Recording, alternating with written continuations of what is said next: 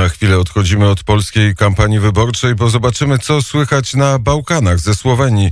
E, Sytuację w Belgradzie, w Czarnogórze obserwuje Liliana e, Wiadrowska, e, autorka kanału na YouTubie Polska, Polka na Bałkanach. Dzień dobry pani. Dzień dobry, witam serdecznie. I co dzieje się w Belgradzie? Cóż, e, protesty wybuchły we wtorek e, wieczorem, po tym jak serbski prezydent Aleksander Vucic e, ponownie ogłosił godzinę policyjną i zakaz publicznych zgromadzeń powyżej pięciu osób. Jak pamiętają pewnie niektórzy słuchacze, naprawdę podczas em, pandemii był to chyba kraj, który miał najostrzejsze obostrzenia. Nie można było wyjść nawet z psem dalej niż 100 metrów od miejsca zamieszkania.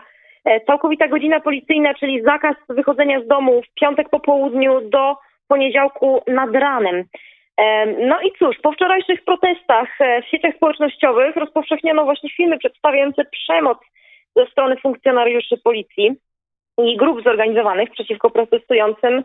E, No i uwaga, dziś dru- wczoraj wieczorem był drugi dzień protestu i tym razem miały miejsce nie tylko w Belgradzie, ale właśnie Nowym Sadzie, Niszu, także no, są to protesty właściwie, które nie są, nie są de facto protestami przeciwko samemu koronawirusowi, przeci- przeciwko obostrzeniom, ale przede wszystkim przeciwko e, rządowi i prezydentowi, który ma bardzo, bardzo autorytarne zapędy. Ale przecież niedawno były wybory w, w, w Belgradzie. Nie, niedawno były wybory, w którym został potwierdzony mandat e, prezydenta. E, Dokładnie, te wybory odbyły się 21 czerwca, natomiast e, wątpliwym jest, e, że te wybory były uczciwe. Władze oskarżane są na temat kłamstwa dotyczącego wyborów.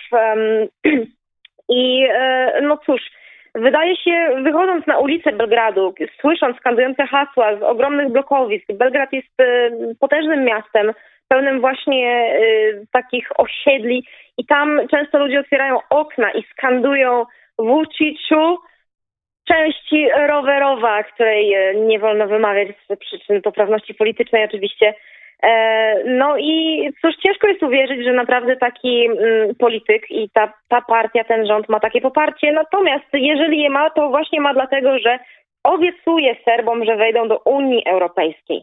No i oczywiście e, propaganda telewizyjna też jest ogromna i na pewno ma też e, to swoje właśnie przyczyny. A czy te protesty są masowe? E, Tak, tak. Kilkadziesiąt być może już tysięcy. Zapala się coraz więcej miast, coraz więcej filmików w internecie można zobaczyć, jak to wygląda. Po wtorkowych protestach te ze środy były już naprawdę, że tak powiem, zorganizowane, gdyż obie strony, no wiadomo, oczywiście władze zorganizowały większą ilość policji na ulicach. Wszystko jest bardziej, bardziej opancerzone, że tak powiem. Natomiast e, również protestujący, mm, agresja, ich rozgoryczenie, powiedziałabym, nabiera na sile. Lecą kamienie, lecą pochodnie, palą się race. E, Wszyscy wiemy zresztą z chociażby meczy chuliganów, że e, Serbowie to jest niepowstrzymana siła. E, I tak, i ta sytuacja rewolucyjna rozwija się.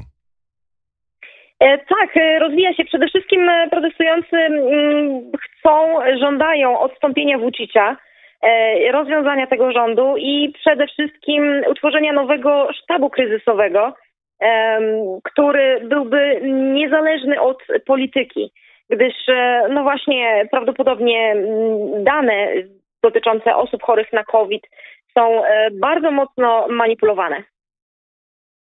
Obserwujemy e, w takim razie dzięki pani sytuację na Bałkanach. Bardzo serdecznie dziękuję za rozmowę. Dziękuję serdecznie, pozdrawiam. Liliana Wiadrowska, autorka kanału na YouTubie e, Polka na Bałkanach, była gościem poranka wnet.